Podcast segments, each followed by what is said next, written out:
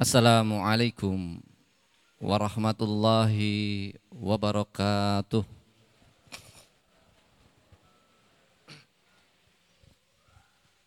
Innal hamdalillah nahmaduhu wa nasta'inuhu wa nastaghfiruh wa na'udzu billahi min sururi anfusina wa min sayyiati a'malina may yahdihillahu fala mudhillalah wa may yudlilhu fala hadiyalah Ashhadu an la ilaha illallah wahdahu la wa ashhadu anna muhammadan abduhu la nabiyya wa la rasula ba'dah. Qala ta'ala fi kitabihil karim A'udzu billahi minasyaitonir rajim. Ya ayyuhalladzina amanu taqullaha haqqa wala tamutunna illa wa antum muslimun. Ya ayyuhalladzina amanu taqullaha wa qulu qawlan yuslih lakum a'malakum wa lakum dhunubakum. Wa may wa rasulahu faqad faza fawzan يا أيها الناس اتقوا ربكم الذي خلقكم من نفس واحدة وخلق منها زوجها وبث منهما رجالا كثيرا ونساء واتقوا الله الذين تساءلون به والأرحم إن الله kana alaikum raqiba.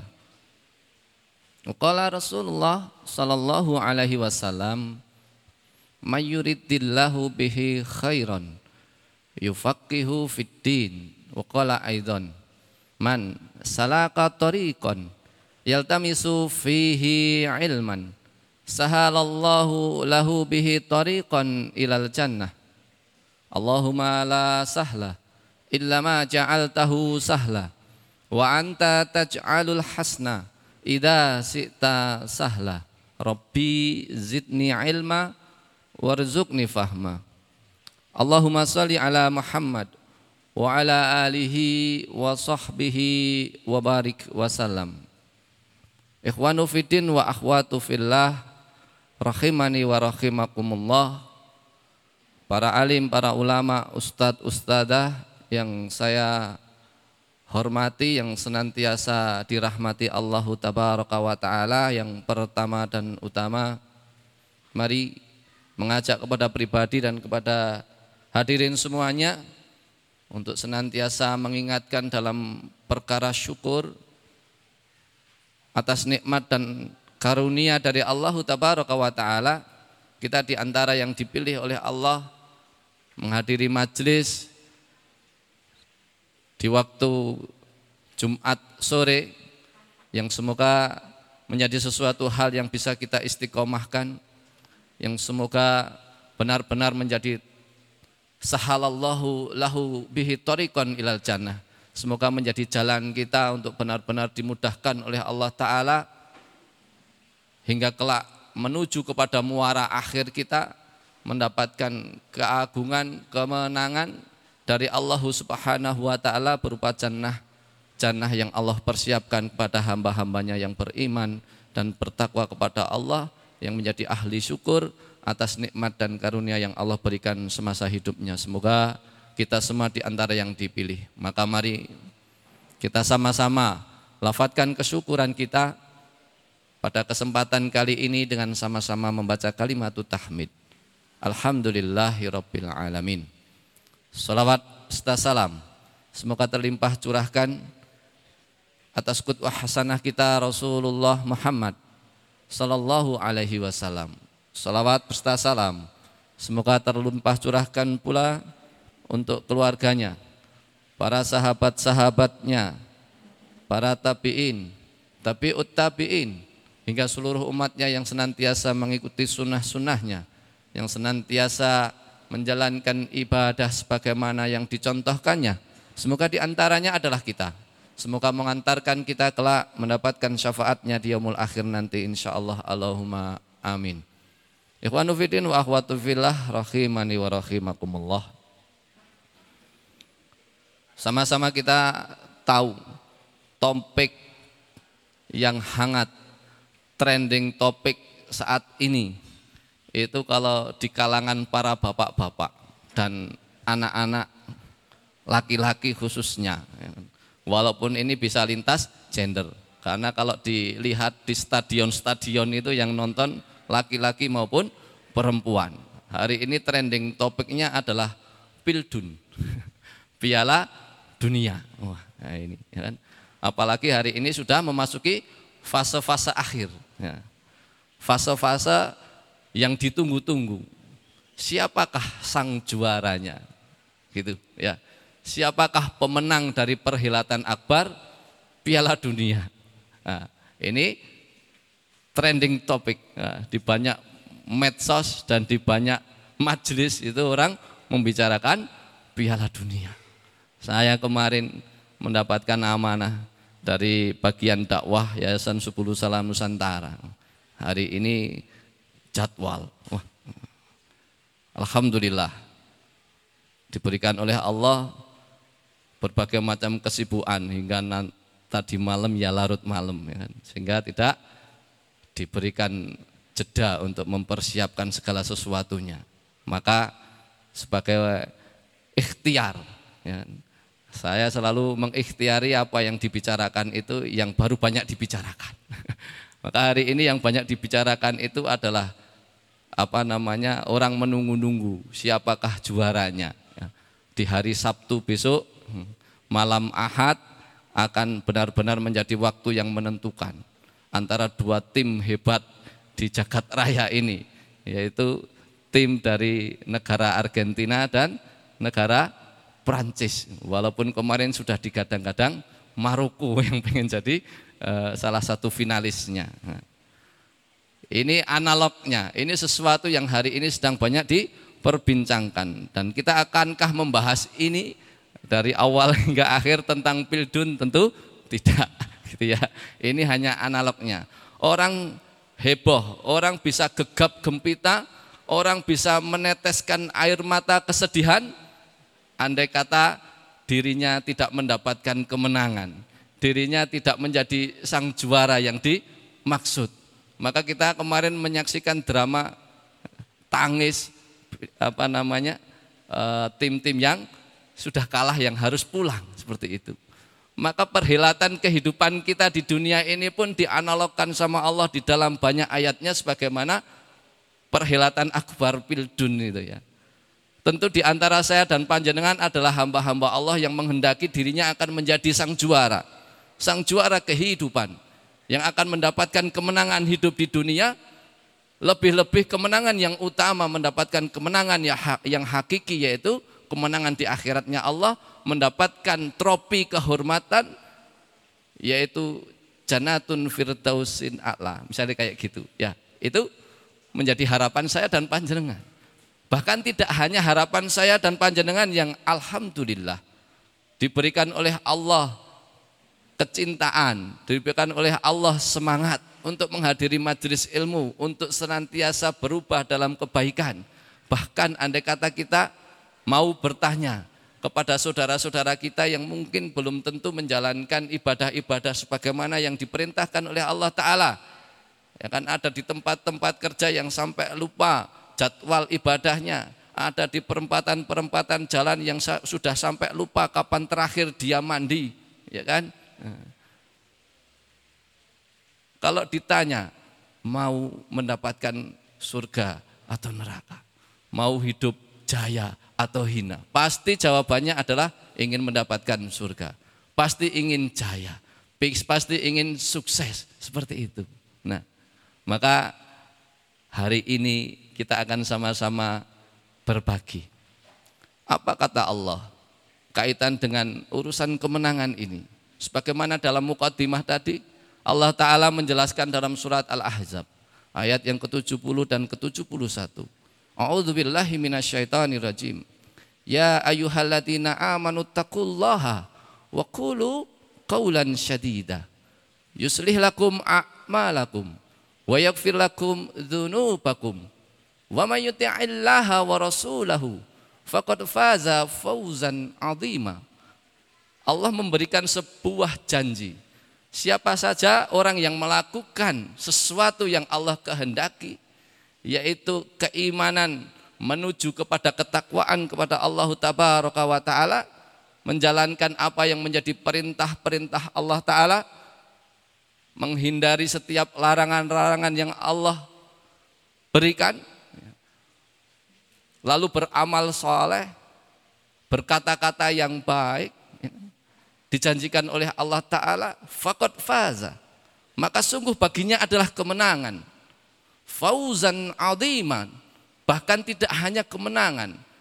Disifati kemenangan itu bernama fauzan adiman. Kemenangan yang agung. Kemenangan yang besar. Tentu saya dan panjenengan adalah hamba-hamba yang ketika ditanya apakah mau mendapatkan kemenangan besar pasti jawabannya ya atau sebaliknya ingin mendapatkan kekalahan yang besar, wah jangan. Seperti gitu ya. Maka ternyata Allah Ta'ala lewat para nabi dan rasulnya dari waktu ke waktu, dari masa ke masa, semua nabi dan rasul pesan utamanya adalah pesan masalah takwa. Maka ini ada kaitan erat dengan kemenangan. Ketakwaan itu adalah ekuivalen dengan kemenangan. Ketakwaan itu berbanding lurus dengan kemenangan. Mas Arfan diberikan materinya. Ini materi tadi jam 2 siang. Ayat saya cuma satu dua ayat tak pilih tak sampaikan kepada Mas Roy yang ada di belakang sana. Kutip saja ayat ini, ayat ini, ayat ini. Yang penting itu untuk bisa menjadi pengingat. Semoga menjadi jariah untuk Mas Roy yang di belakang sana menjadi wasilah untuk sama-sama kita berdakwah. Di sini kita nanti akan benar-benar menjadi teman seiman atau tidak dalam perjuangan ini. Ini nanti juga akan mendapatkan kemenangan besar atau tidak dan kemenangan di sini adalah tim. Ya. Tadi kita analogkan bahwa kemenangan di Piala Dunia itu tidak hanya satu atau dua orang yang ngegulke saja. Tapi kemenangan itu adalah kemenangan kolektif, kemenangan bersama.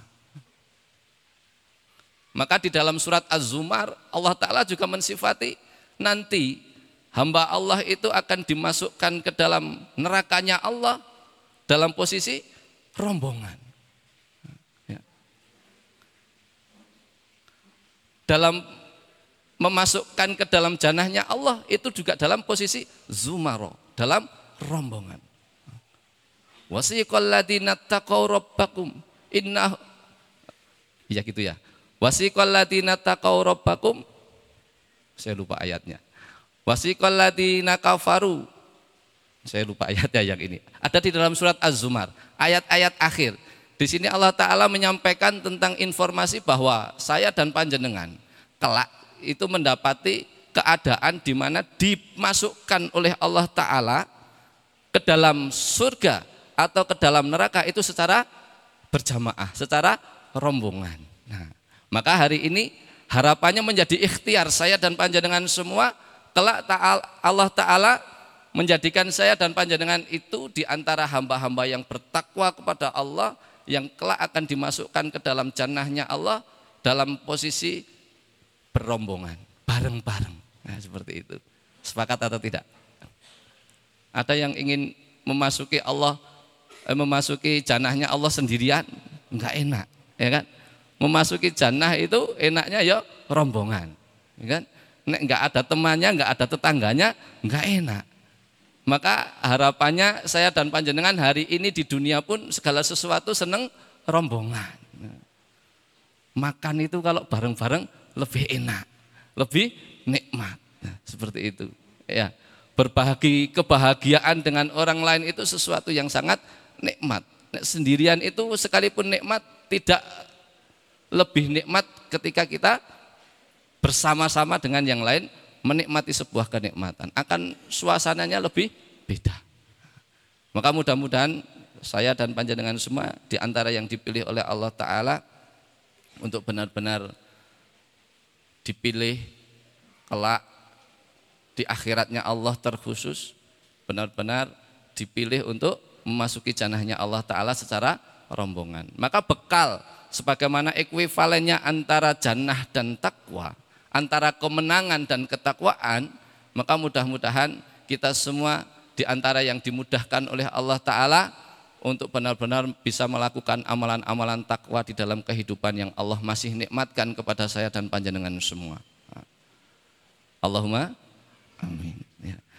Maka Allah Ta'ala pun ketika menyampaikan sebuah informasi bekal terbaik bagi seorang hamba nanti menghadap Allah Ta'ala tidak ada lain dan tidak bukan adalah bekal takwa. Sebagaimana Allah Ta'ala menyampaikan di dalam ayat ini suratul Baqarah 197. Wa tazawwadu fa inna khairazati taqwa. Nah, itu ya. Berbekallah kalian. Jadi kita tidak boleh ya nanti menghadap Allah Ta'ala tanpa membawa bekal. Enggak boleh, enggak bisa. Apa yang mau kita jadikan sebagai alat tukar untuk mendapatkan rahmatnya Allah. Ya. Maka harus punya bekal.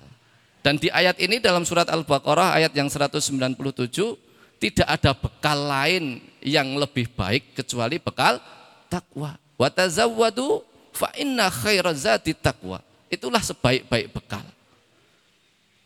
Dan ternyata sama dengan urusan kemenangan tadi. Bekal terbaik itu adalah takwa, jalan kemenangan itu adalah takwa. Maka tidak ada hal yang lebih penting dalam dakwah para nabi dan rasul kecuali mengingatkan umatnya menuju kepada keimanan dan ketakwaan kepada Allah Subhanahu wa taala. Enggak ada yang lebih penting daripada ini. Ya. Andaikan ada informasi tambahan sebagai tambahan itu sifatnya tambahan. Yang paling penting adalah ini andaikan ada sebuah informasi kemenangan dunia, misalnya mendapatkan solusi, itu hanya efek samping saja. Tapi yang menjadi kornya, bagaimana kita menjadi hamba Allah yang bertakwa. Insya Allah kemenangan dunia maupun kemenangan akhirat menjadi hal yang sangat mudah bagi Allah untuk diberikan kepada pribadi yang bertakwa kepada Allah Taala.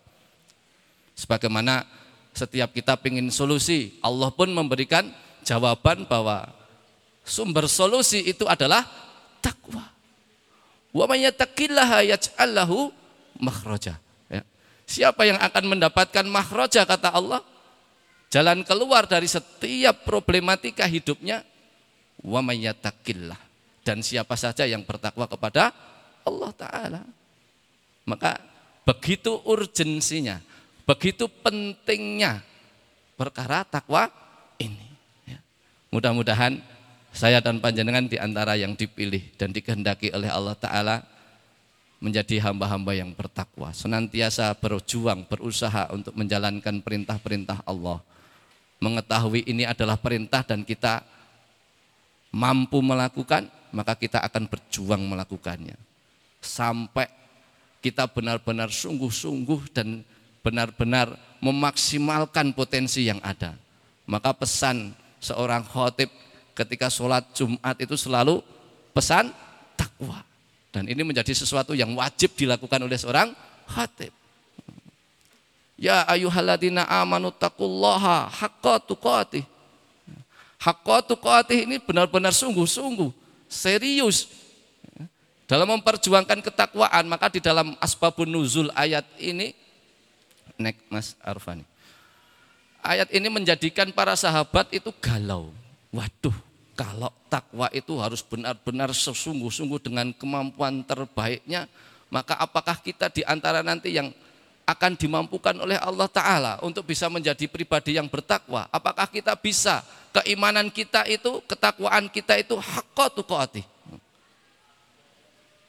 Maka ayat ini ketika turun membuat galau para sahabat. Maka Allah memberikan sebuah informasi dan sedikit penyeimbang, kabar gembira. Allah sampaikan dalam akhir surah At-Taghabun di mana ketakwaan kepada Allah itu wattaqullaha mastata'tum. Bertakwalah kalian kepada Allah taala mastata'tum sesuai dengan kemampuan masing-masing. Kemampuan saya dan panjenengan bisa jadi berbeda. tetapi dalam derajat, dalam makom, dalam posisi terbaik versi kita. Jangan meng, apa namanya mengartikan mastatotum itu berarti ah santai wae, oh, sak nih, bukan begitu. Mastatotum itu adalah kemampuan masing-masing dari kita itu berbeda. Maka ditegaskan oleh Allah Ta'ala di akhir suratul Baqarah, La yukallifullahu, la yukallifullaha nafsan illa wus'aha. Sesuai dengan ukuran kemampuannya masing-masing. Oke. Berbicara masalah takwa. Maka ketakwaan itu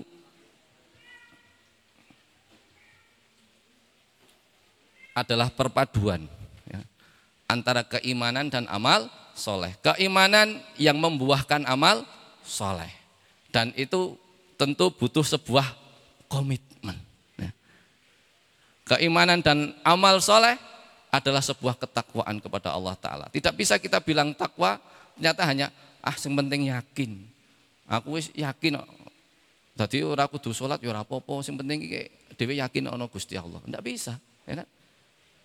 Keyakinan kita atau keimanan kita harus ditunjukkan dengan amal nyata.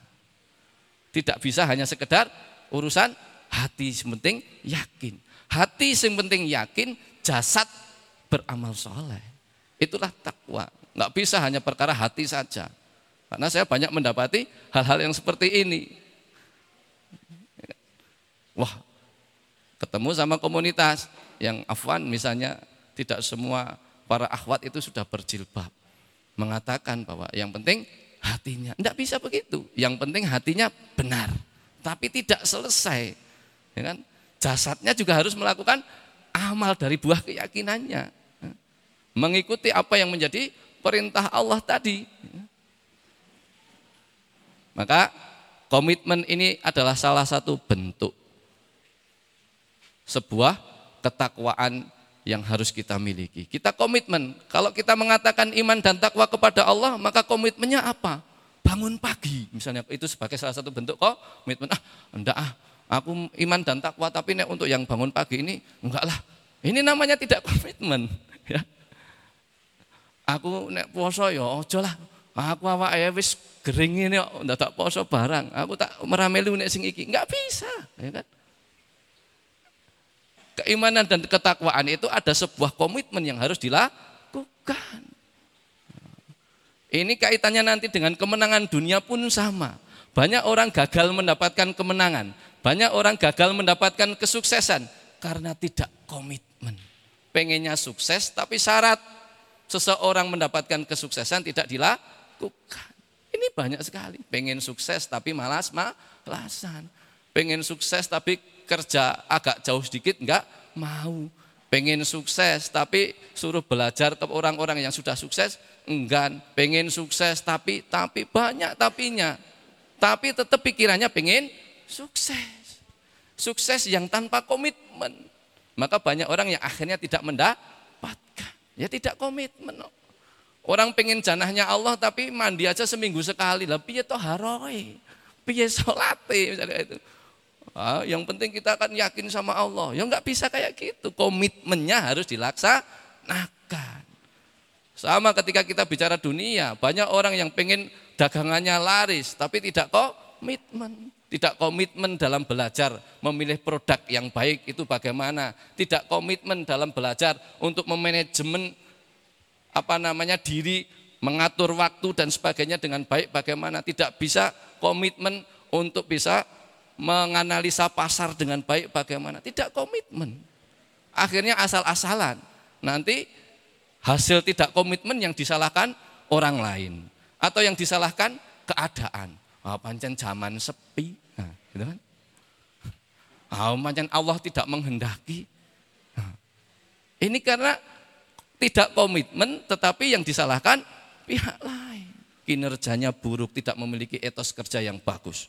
Ya tidak tidak memiliki manajemen waktu yang baik, tidak memiliki komunikasi yang baik dengan uh, partnernya, dengan kliennya. Akhirnya kata-katanya membuat orang kecewa. Ya. Giliran nggak terjadi transaksi, alasannya zaman sepi. Alasannya Allah tidak menghendaki. Jangan dulu seperti ini. Ini hasil akhir. Ikhtiar maksimal harus kita laksanakan. Maka keimanan dan ketakwaan itu memaksa seseorang untuk membuat sebuah komitmen. Saya berkomitmen atas keimanan yang saya miliki dan berjuang untuk mencapai level takwa saya, maka saya komitmen untuk menjalankan sebuah perintah perintah Allah taala, ya kan? Khairun nas anfa'uhum linnas.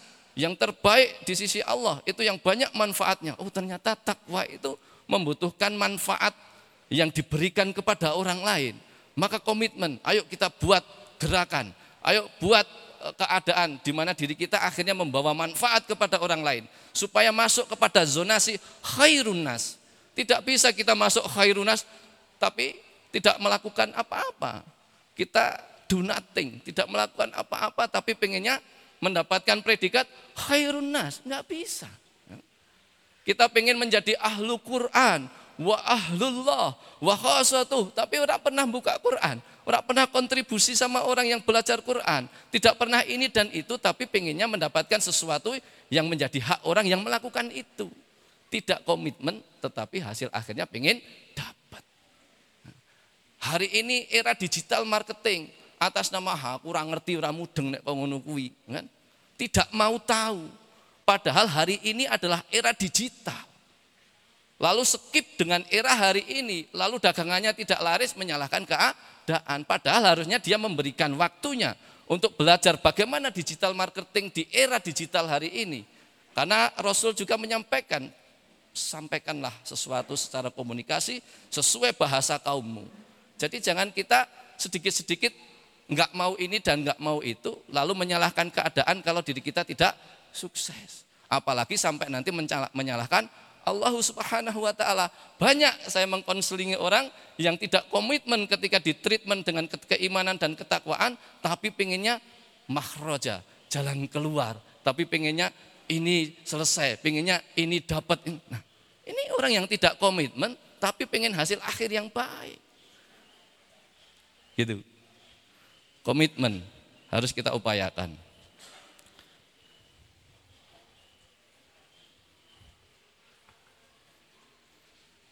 Komitmen itu salah satu buah dari rasa cinta. Nah, kalau iman dan takwa kan kita punya mahabbah, mahabbatullah, ya. memiliki kecintaan. Kalau saya dan panjenengan ini tidak didasari oleh rasa kecintaan, maka nanti ketahanannya akan lemah. Ya adem titik mau mangkat. Karena tidak cinta serius. Ya. Ah, oh, zamane anyis kok. Oh, surat subuh engko rada penter sithik ya ora apa-apa. Enggak bisa. Itu juga tidak cinta beneran. Ya. Maka Allah sampaikan misalnya di akhir surat munafikun, orang-orang munafik itu kan disampaikan banyak hal di situ eh, karakter-karakternya.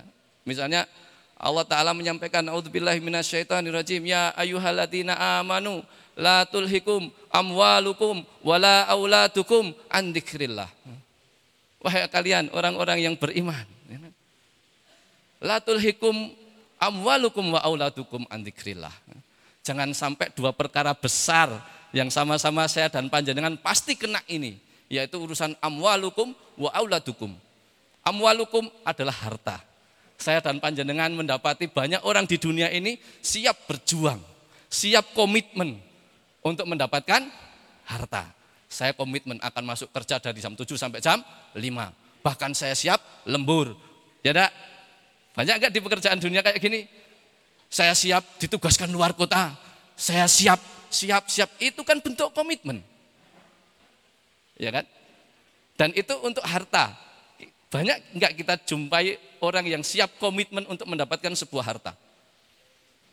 Banyak, ya sepakat.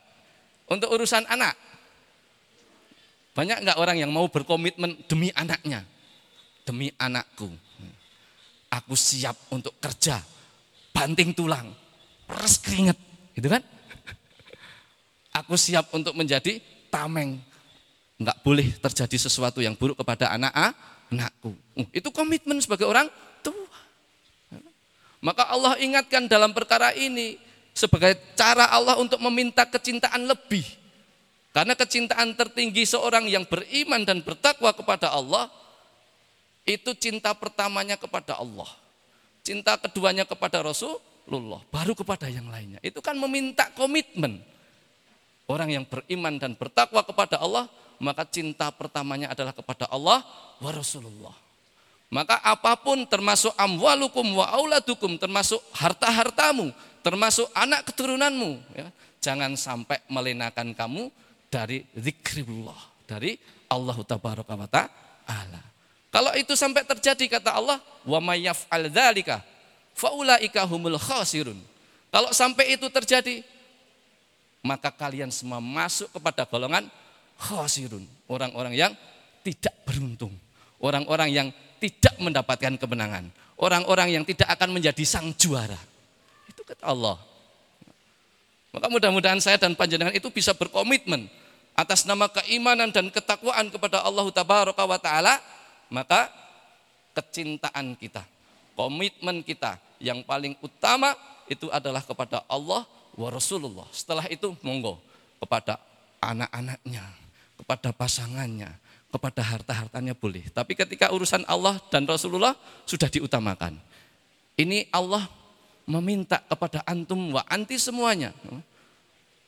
Pinjaman yang baik Ayat ini kan nanti ujung apa tulisannya kan begitu. Intuk ridullah dan hasanah. Sungguh Allah itu meminta pinjaman yang baik kepada kalian semua. Atas amwalukum wa auladukum. Atas harta dan anak-anak kalian. Pinjamkan kepada Allah. Wabil khusus kita bahas masalah harta. Ya.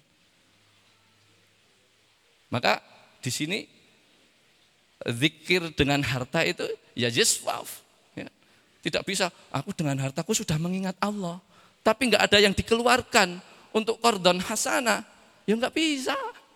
Nggak komitmen namanya. Nggak ada bukti nyata. Mana komitmennya? Kamu mau kordon hasanah atau tidak? Gitu kan? Maka ketika kecintaan itu muncul, ini syarat kesuksesan. Saya dan panjenengan ketika ingin sukses, ingin menjadi sang juara, ingin mendapatkan kemenangan, maka milikilah komitmen. Ya. Dalam segala hal, pastikan kita adalah orang yang berkomitmen. Lebih kuat lagi kalau komitmen kita karena sebuah rasa cinta, rasa sayang. Ini akan menimbulkan ketahanan. Orang yang sukses itu di antaranya cirinya adalah orang yang tahan dalam banyak hal mendapatkan tekanan tahan, ya kan? mendapatkan apa namanya tagihan tahan, ya kan? Mendapatkan kenyataan tidak sesuai dengan harapan tahan, ya kan? Ya? Dari situ belajar. Waduh, aku bikin marketing begini kok ternyata hurung laris. Karena cinta, maka berpikir lagi bagaimana ini biar laris. Triknya harusnya aku gimana ini? Mikir dia, ya, tahan. Nek orang cinta, ya kan? nyoba pisan nggak jadi tinggal pergi ah wis angel tidak tahan. Karena apa? Tidak cinta. Kita diuji oleh Allah kalau kita tidak mencintai Allah wa Rasulullah. Skip. Pergi. Ah males. Capek. Susah. Sulit. Kan gitu. Maka miliki rasa cinta itu supaya menimbulkan ketahanan. Dari ketah, dari kecintaan akan menghadirkan tanggung jawab. Ya enggak? Saya mencintai istri saya misalnya gitu. Lalu dari hasil mencintai itu ada sebuah komitmen, ada sebuah konsekuensi. Salah satunya tanggung jawab.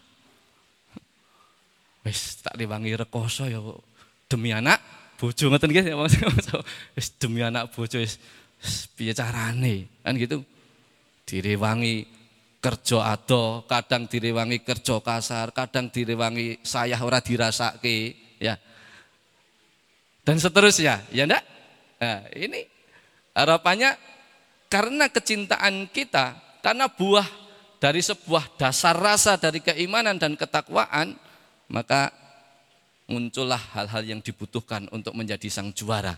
Saya dan panjenengan itu layak menjadi sang juara ketika keimanan dan ketakwaan kita miliki atas izin Allah Subhanahu wa taala. Tentu butuh perjuangan kita. Salah satunya adalah bermajlis seperti ini, saling menasihat, nasihati. Oh, iya bener juga. Oh, oh aku rek komitmen ah, wingi aku tiwasane muni, aku lo wingi lah empun. Empun itu male, gitu kan. Wong masih ada kesempatan hidup, masih ada rezeki, masih ada kesempatan ini dan itu. Maka menjadi wasilah untuk nasihat menasihati. Wa bil haq. Jangan merasa cukup dengan amal soleh. Tidak ada yang menjamin amal soleh kita itu sudah langsung diterima oleh Allah Ta'ala. Tidak ada yang menjamin amalan-amalan kita benar-benar bisa menyelamatkan kita. Maka orang yang beriman harus memiliki kaidah sona'iul ma'ruf. Senantiasa mencari-cari amal soleh. Mencari-cari kesempatan untuk bisa beramal soleh tidak merasa cukup kalau itu perkara amal soleh, buah dari komitmen dan kecintaan, buah dari keimanan dan ketakwaan kepada Allah Subhanahu wa taala. Dan Rasulullah sendiri memerintahkan kepada kita bahwa bertakwalah kamu di mana pun kamu berada. Ittaqillaha haitsumakun. Ya kan? Di setiap keadaan, di setiap waktu, di mana pun kamu berada, bertakwalah kepada Allah. Karena takwalah yang akan membedakan kita dengan orang-orang yang kalah. Karena ketakwaanlah yang benar-benar akan mengantarkan kita kepada derajat yang tinggi di sisi Allah. Di dunianya maupun di akhiratnya kelak insya Allah. Itu. Maka kembali saya mengajak kepada pribadi dan kepada hadirin semuanya Mari sama-sama kita meningkatkan keimanan dan ketakwaan kita kepada Allah Subhanahu wa taala. Tahu-tahu sudah jam setengah enam lebih. Ini banyak ya, buah dari kecintaan itu nanti akan ada ketahanan, akan ada tanggung jawab, akan ada kedisiplinan, akan ada banyak hal positif yang hadir dari sini. Ya, nah, seperti itu. E, maka sedikit membahas tentang takwa itu sendiri biar tidak bias takwa itu seperti apa? Kalau secara global mentaati Allah dalam setiap perintahnya dan menjauhi dari segala larangannya. Tetapi didetailkan salah satu yang saya suka itu adalah pendetailan dari sahabat Rasulullah, saudara Rasulullah yang bernama sahabat Khalifah Ali bin Abi Thalib radhiyallahu anhum. Beliau menjelaskan menjabarkan takwa dalam versi sahabat Ali.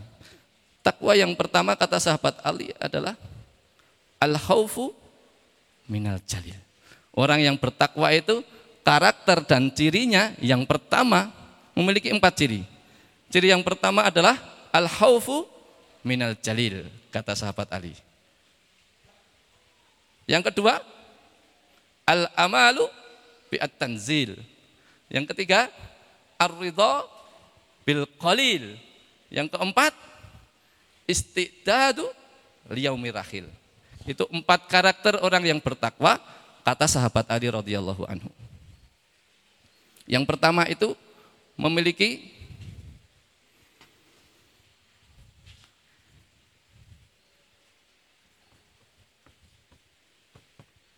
memiliki rasa takut kepada Allah.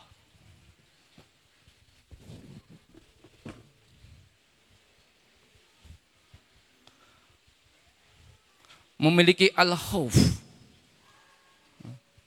kepada al-jalil.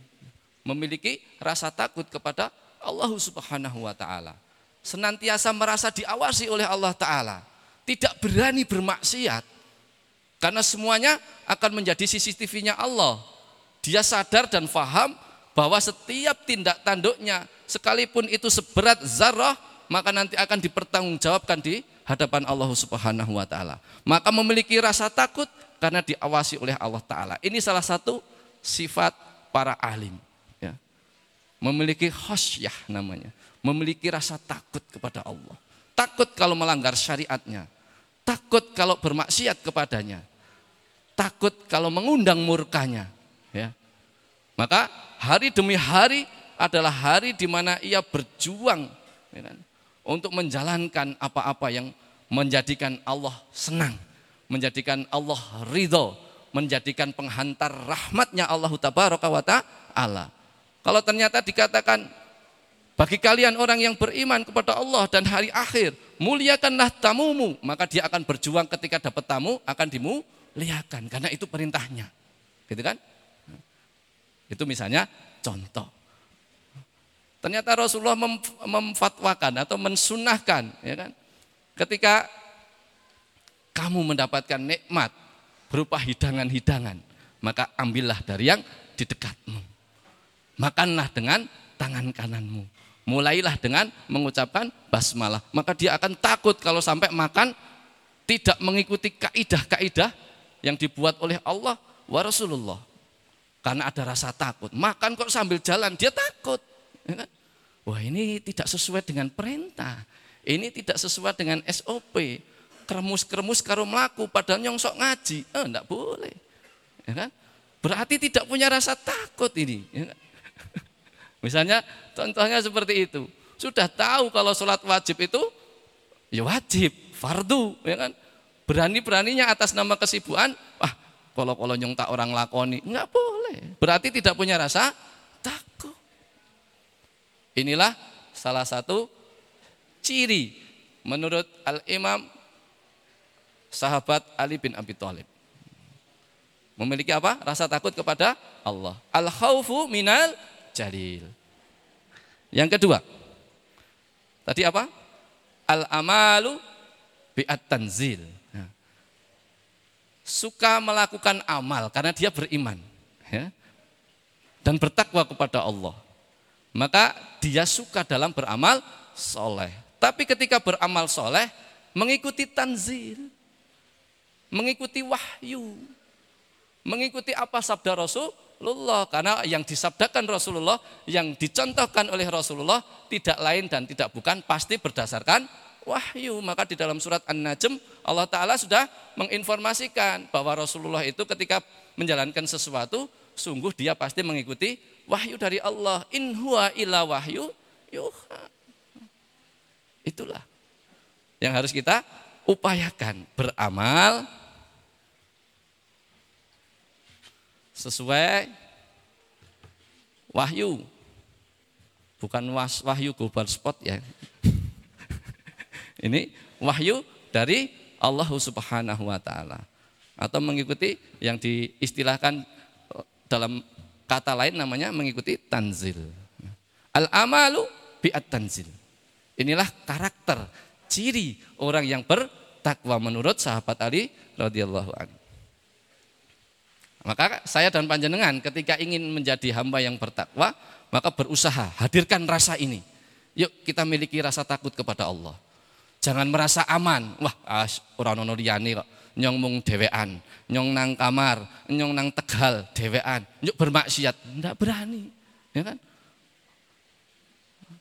Yang disampaikan oleh Mas Krisa almarhum itu kan mensatir ayat Allah di dalam surah Yasin kan akan ada masa gitu kan? Mulut dikunci kata tak ada lagi gitu kan? Tangan yang nanti akan bersaksi. Kaki yang akan bersaksi. Jangankan sekitar kita bahkan jasad kita ini adalah CCTV Allah Ta'ala Nanti akan bersaksi semua, ini tangan saya dan tangan panjenengan ini digunakan untuk apa di dalam kehidupan dunia ini. Enggak bisa ngumpet ke, mboten ya Allah. Ah, ora iso. Ada semua setnya, no apa. Kayak sekarang ini kalau di bisa ada CCTV, bukan saya yang ngacak-acak apa namanya cucian. Nah, ternyata ketika sudah diperlihatkan CCTV, nah ini siapa? Enggak bisa. Lah teknologi manusia yang kata Allah itu ya ora pati ya oke ilmune ya kan. Manusia ini kan disifati oleh Allah sedikit ilmunya kecuali hanya yang diberikan yang diberi kasih yang diberitahu oleh Allah taala. Itu saja bisa bikin CCTV yang tidak jadi orang tidak bisa berbohong. Ini yang ngambil uang sakunya Mas Fulan adalah kamu. Bukan. Saya enggak, saya punya uang saku sendiri. Diperlihatkan CCTV. Nah, ini siapa? Kamu apa bukan? Nah, ya kan? Padahal nanti pengadilan Allah jauh lebih canggih dari ini. Tidak ada yang terlewatkan satu pun. Satu zarah kebaikanmu maka akan dibalas. Dan satu zarah maksiatmu maka juga akan dibalas. Hati-hati dalam perkara ini. Gitu kan?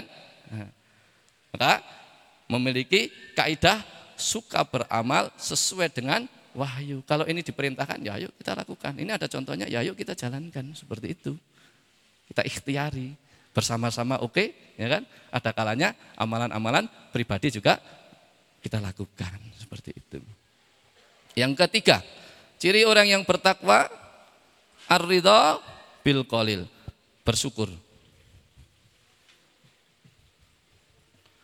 Atas nikmat sekalipun sedikit. Kamu harus ridho dengan apa yang menjadi suguhan Allah Ta'ala. Hatta itu sedikit. Sekalipun kamu tidak merasakan puas dengan nikmat itu.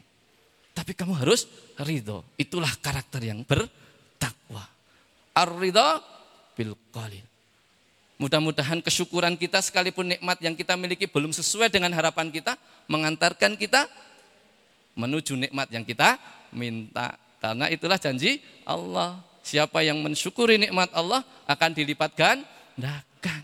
Maka yang pertama dan utama ketika kita mendapati diri kita ada hidangan dari Allah atas kehidupan kita, suka atau tidak suka, sudah sesuai atau belum sesuai, yang pertama terima dulu. Ya kan? Syukuri dulu, Alhamdulillah, matur suwun ya Allah. Terima kasih, sekalipun belum sesuai dengan spek yang saya ke kehendaki. Mudah-mudahan waktu-waktu yang akan datang, anak saya yang belum dengan belum sesuai dengan spesifikasi yang saya inginkan ini, kelak engkau rubah menjadi anak sesuai yang kami harapkan. Semakin engkau muliakan hatinya, semakin engkau tambahkan ilmunya, semakin engkau bijaksanakan akhlaknya dan seterusnya dan seterusnya. Sekalipun hari ini belum sesuai dengan harapan. Akan ada masa, akan ada waktu di mana nanti Allah yang paling tahu kapan itu waktu yang terbaik. Maka yang harus kita sikapi yang pertama adalah ridho dulu dengan apa yang menjadi suguhan Allah. Insya Allah dengan seperti itu kita memiliki karakter orang yang bertakwa. Yang dijanjikan oleh Allah, fakot faza fauzan adiman. Orang yang akan mendapatkan kemenangan besar. Orang yang akan menjadi sang juara itu. Saya dan panjenengan insya Allah akan menjadi para sang juara. Nanti kita akan gegap gempita. Hore, Alhamdulillah.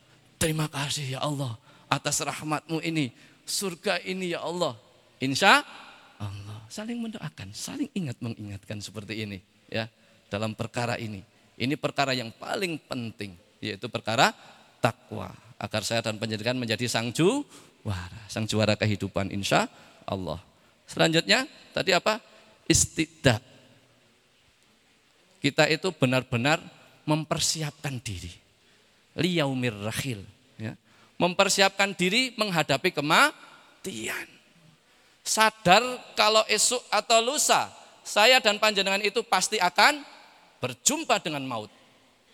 Dan jangan sampai berjumpa dengan maut kita tidak memiliki persiapan. Maka diingatkan oleh sahabat Ali, Ali bin Abi Thalib radhiyallahu anhu. Orang yang bertakwa itu memiliki ciri yang keempat adalah senantiasa mempersiapkan diri atas bekal-bekal menuju hari-hari di negeri akhirat, hari-hari menghadapi mautnya. Berbekal gitu aja ya. Berbekal menghadapi maut atau kematian atau hari akhir. Ini empat kriteria. Yang keempat, berbekal atau mempersiapkan diri menghadapi kematian. Sebagaimana saya dan istri tahun sekitar 2011-an berkomitmen bismillah yuk kita bareng-bareng berjuang bersama untuk bisa mati enak. Di saat banyak orang pengen hidup enak. Nek hidup enak itu oke okay, saingane. Mati enak wae sing sedikit saingane. Ketika saya dan Mas Pras itu misalnya yang di tengah itu ada master chef itu. Mas Pras itu seorang chef, ya, chef handal, masuk TV apa, sekian lama. Ketika kita bisa tentang entrepreneurship, ya kan? Maka tidak bisa dilepaskan tidak bisa di apa dipisahkan ya kan dari sebuah uh, kondisi seseorang itu berjuang untuk menapaki kehidupan yang enak. Ingin sukses itu pikirannya urip pena. Nah itu itu oke saingannya gitulah. Saya dan panjenengan pengen urip ke saingannya terlalu berat. Maka saya sebagai orang yang berakal, saya memilih waktu itu, wah saya saingan urip pena ya abot, ya kan? Dan sudah saya perjuangkan 10 tahunan hasilnya malah ora urip pena, ya kan? Wis bismillah ayo Dik, sampean saya tadi bojone aku siap rak komitmen. Ayo kita bersama-sama komitmen berjuang untuk mati enak. Tidak lagi hidup enak. Hidup paling enak-enak ya ya gitu itu. Paling ya ayam laos, ya kan? Paling ya ikan bakar. Itu wis mentok enak-enaknya kehidupan dunia. Orang sukses dan pemulung sama. Bos dan karyawan sama. Semua bisa menikmati fasilitas seperti itu. Yang lain yang misalnya tidak punya kendaraan juga bisa naik kendaraan Tapi kalau di akhiratnya Allah berbeda apa timur dan barat. Yang satu penuh dengan kenikmatan, yang satu penuh dengan penderitaan. Maka kita ingin mati enak saja. Hidup enak lah, hidup enak itu paling mentok-mentok kayak tadi kan. Mentok-mentok iso jajan nang warung Padang, mentok-mentok iso dolan nang pantai, gitu dok, biasa aja. Ya? Semua orang bisa mendapatkan itu. Nggak usah galau dan nggak usah terlalu susah ketika itu perkara dunia. Tapi kalau urusan negeri akhirat yang dikatakan oleh Allah khalidinan abadan, kekal selamanya, maka ini harus hati-hati. Harus waspada. Maka sahabat Ali bin Abi Thalib mengingatkan kita, istidadu liyaumir rahil. Jangan sampai kamu, kita semua tidak mempersiapkan diri menuju kematian kita tidak punya banyak amal dan apalagi sampai merasa cukup amal. Wah, pun kula pun glugeen amal. Jangan. Kita tidak tahu amal mana yang akan diterima di sisi Allah. Supaya kita tidak jumawa ketika memiliki amalan besar. Dan bagi yang belum bisa beramalan besar, milikilah prasangka baik dan terus berjuang. Karena bisa jadi amalan kecil pun kalau itu adalah kemampuan terbaiknya bisa mengantarkan ridho dan rahmatnya Allah subhanahu wa ta'ala. Bisa jadi amalan yang besar itu malah tertolak karena ternyata syarat diterimanya amal sama sekali tidak ada padanya. Tujuan berderma ternyata ingin dikatakan sebagai orang yang dermawan. Tujuan memberikan tausiah ternyata hanya ingin dijadikan orang yang dianggap berilmu. Siap maju di medan jihad ternyata hanya untuk mendapat predikat orang yang pemberani. Kata Allah, kazabta, dusta itu. Maka tiga orang ini yang akan mendapatkan neraka yang pertama. Naudzubillahi min dzalik. Dan itu berat. Orang yang berilmu merasa berilmu wajar enggak? Wajar. Tapi Allah enggak suka dengan yang begini. Orang yang suka berbagi merasa dirinya dermawan wajar enggak? Wajar. Tapi Allah tidak suka yang seperti ini. Orang yang siap tempur di medan perang untuk memperjuangkan agama Allah merasa pemberani wajar enggak? Wajar. Tapi Allah tidak suka. Kamu lakukan saja, tapi jangan kamu merasa ini dan itu. Berat ya? Memang berat. Tapi insya Allah bisa. Ujian itu sifatnya berat tetapi tidak mustahil. Jadi semua orang akan berjuang. Dan insya Allah yang serius akan mendapatkannya. Yang tidak serius tidak akan dapat. Seperti itu. Nek mustahil nanti nggak ada yang lolos. Ya kan? Tapi nek enteng semuanya lolos. Maka sifat ujian dari Allah dalam kehidupan dunia ini berat, tetapi bisa.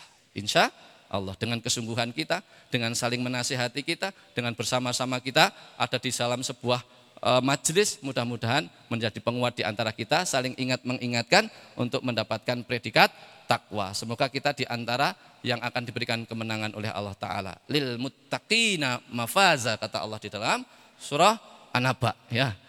Siapa yang akan mendapatkan mafaza? Lil muttaqin. Orang-orang yang bertakwa.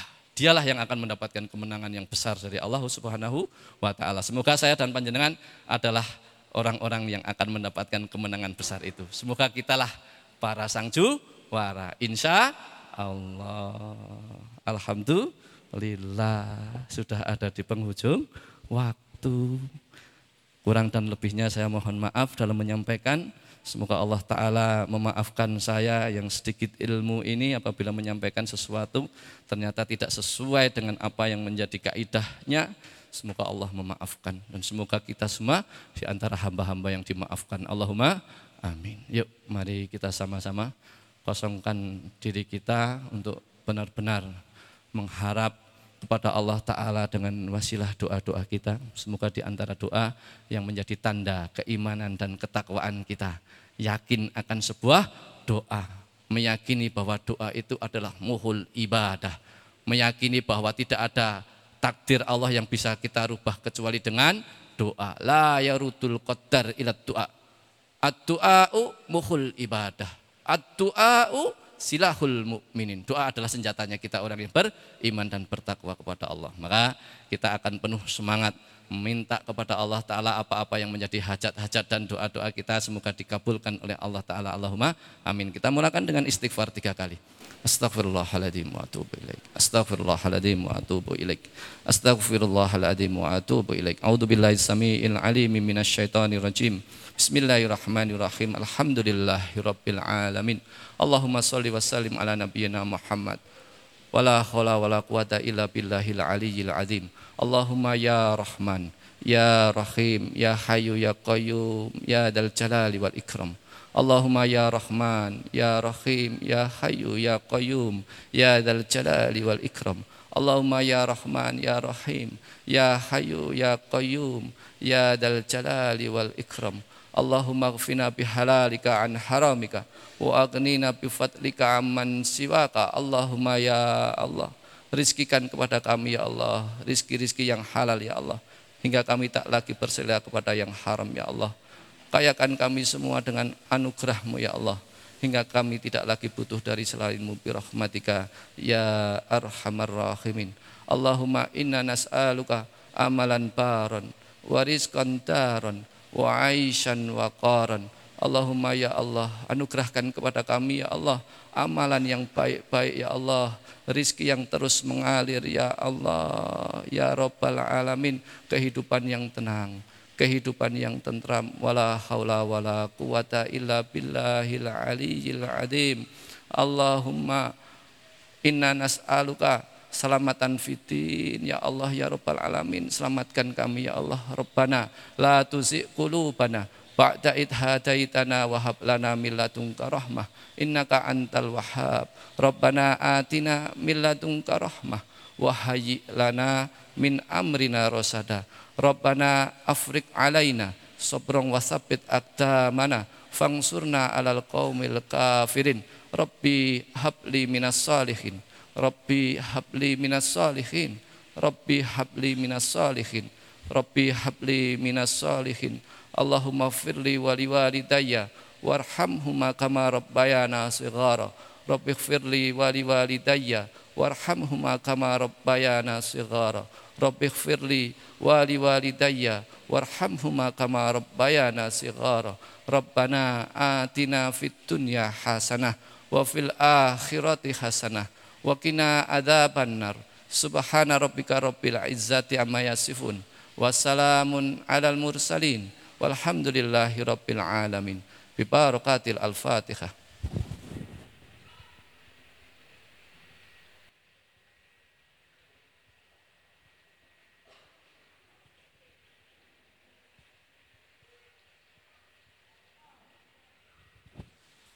Alhamdulillah Akhiru kalam afu minkum. Billahi taufik wal hidayah. Wassalamualaikum warahmatullahi wabarakatuh